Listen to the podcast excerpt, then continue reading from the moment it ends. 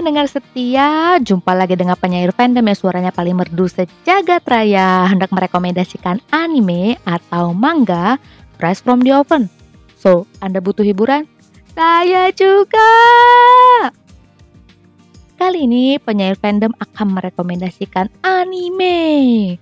Kemarin berturut-turut sudah manga. Enggak ya? Nah, kalau kali ini penyair fandom akan merekomendasikan sebuah anime yang judulnya super singkat. Hanya dua angka, 86, 86. Anime 86 ini memiliki genre drama dan science fiction dan e, menurut penyair fandom ada tag yang tidak disampaikan itu military dan gore katanya sih begitu cuman nggak tahu ya karena anime ini baru episode 1 loh para pendengar setia sekalian dan karena diangkat dari sebuah light novel yang mendapatkan award di tahun 2018 sebagai yang terbaik. Nama awardnya itu Degeki Novel yang kalau di Jepang itu merupakan kontes literatur bergengsi tahunan. Aduh, nggak diragukan lagi deh. Untuk ratingnya ada 8,7 dari 10. Untuk sinopsis singkatnya, Epic Six bercerita tentang sebuah kerajaan yang penduduknya berambut putih semua bagaikan ubanan yang menciptakan suatu drone tanpa awak untuk berperang. MC kita yang kawai, cewek lagi nih, adalah seorang commander untuk pasukan tanpa awak tersebut. Pasti mikir, kedengarannya kok kayak biasa aja gitu ya. Kok bisa dapat rating 8,6 hmm kalau anime tentang perang itu pada umumnya beda kayak main COC gitu loh. Ini anime itu COC yang buat main game. Di mana kontrol pasukannya itu kan ada di tangan kita ya. Jadi kita mau nyerang kita mau bangun benteng itu ada di kalangan kita. Dan yup anime ini memang tampaknya kelihatan kayak COC ya. Perangnya tuh biasa aja. Eh bedanya robot antar robot. Kalau COC kan ya sesuatu yang kita bayangin itu nggak nyata. Ya seperti itu. Kenyataan di baliknya. MC kita yang kawaii dan idealis itu tanpa dia tahu merupakan seorang commander untuk pasukan sekumpulan manusia yang tidak dianggap sebagai manusia. Kalau pendengar setia sekalian nonton dari episode 1, dijamin darah kalian tuh pasti langsung mendidih gitu. Ya, penyair fandom tidak mau spoiler banyak, tapi berhubung episode yang keluar memang baru satu, jadi ya mau dibocorin banyak juga, karena memang masih satu. Jadi penyair fandom tuh masih memendam rasa di episode 2 itu seperti apa. Kurang lebih seperti itu dan mari kita gali lebih dalam dari satu episode yang sudah penyair fandom tonton ini. Mengapa sih harus menonton 86? Pertama, di menit ke-13. Enggak dibungkiri, emosi kalian tuh langsung dibanting dan tuh beneran. Dari keadaan yang manis-manis, ya normalnya opening suatu cerita ya.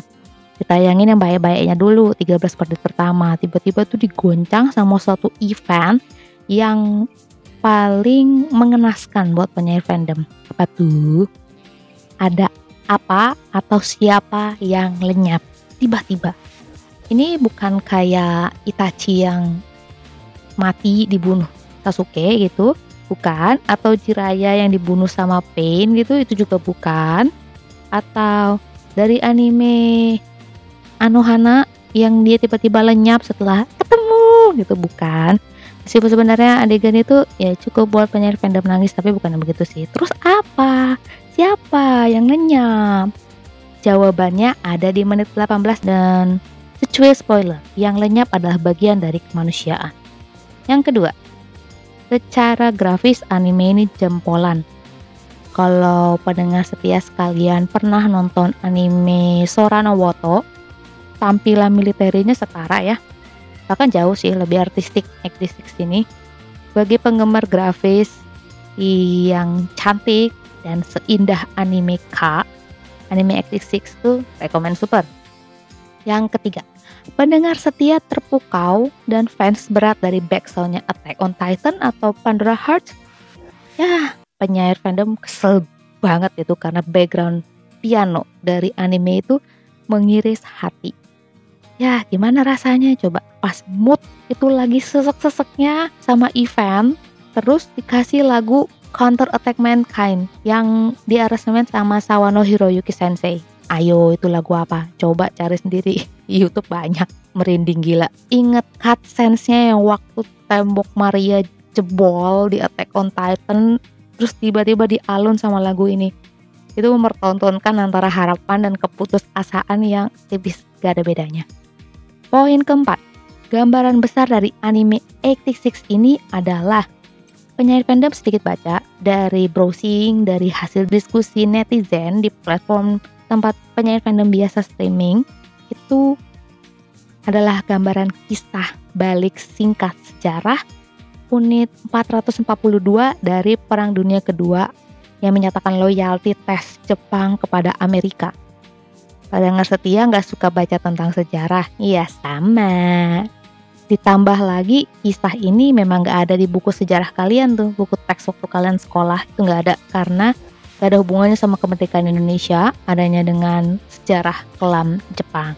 Penyair fandom tidak mau menjelaskan lebih lanjut ini apa, dibaca aja, di browsing aja, masih ada kuota kan.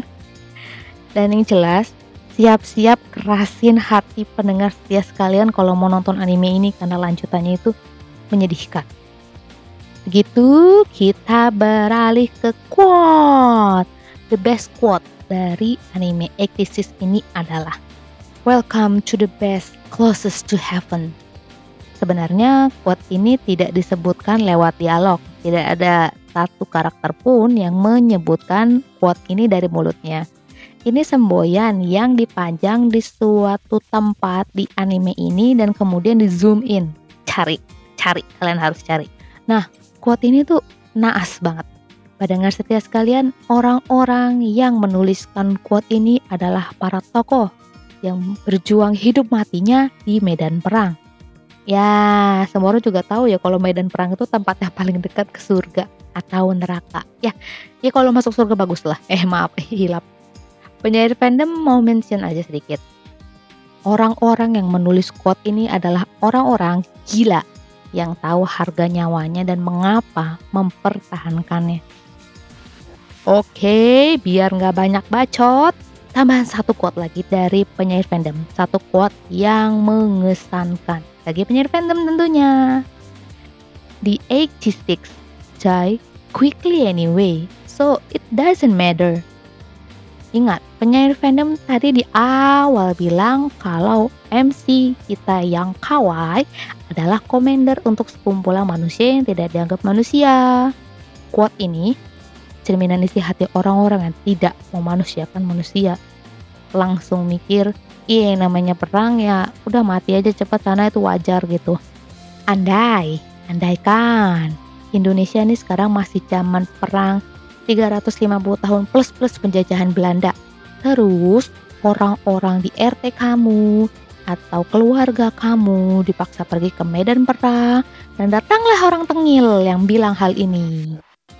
Nonton dulu baru tahu pilunya hati penyair fandom waktu nonton anime dengan peserba serbi kesedihan korban perang dan orang-orang yang pengorbanannya tidak dianggap atau dilupakan.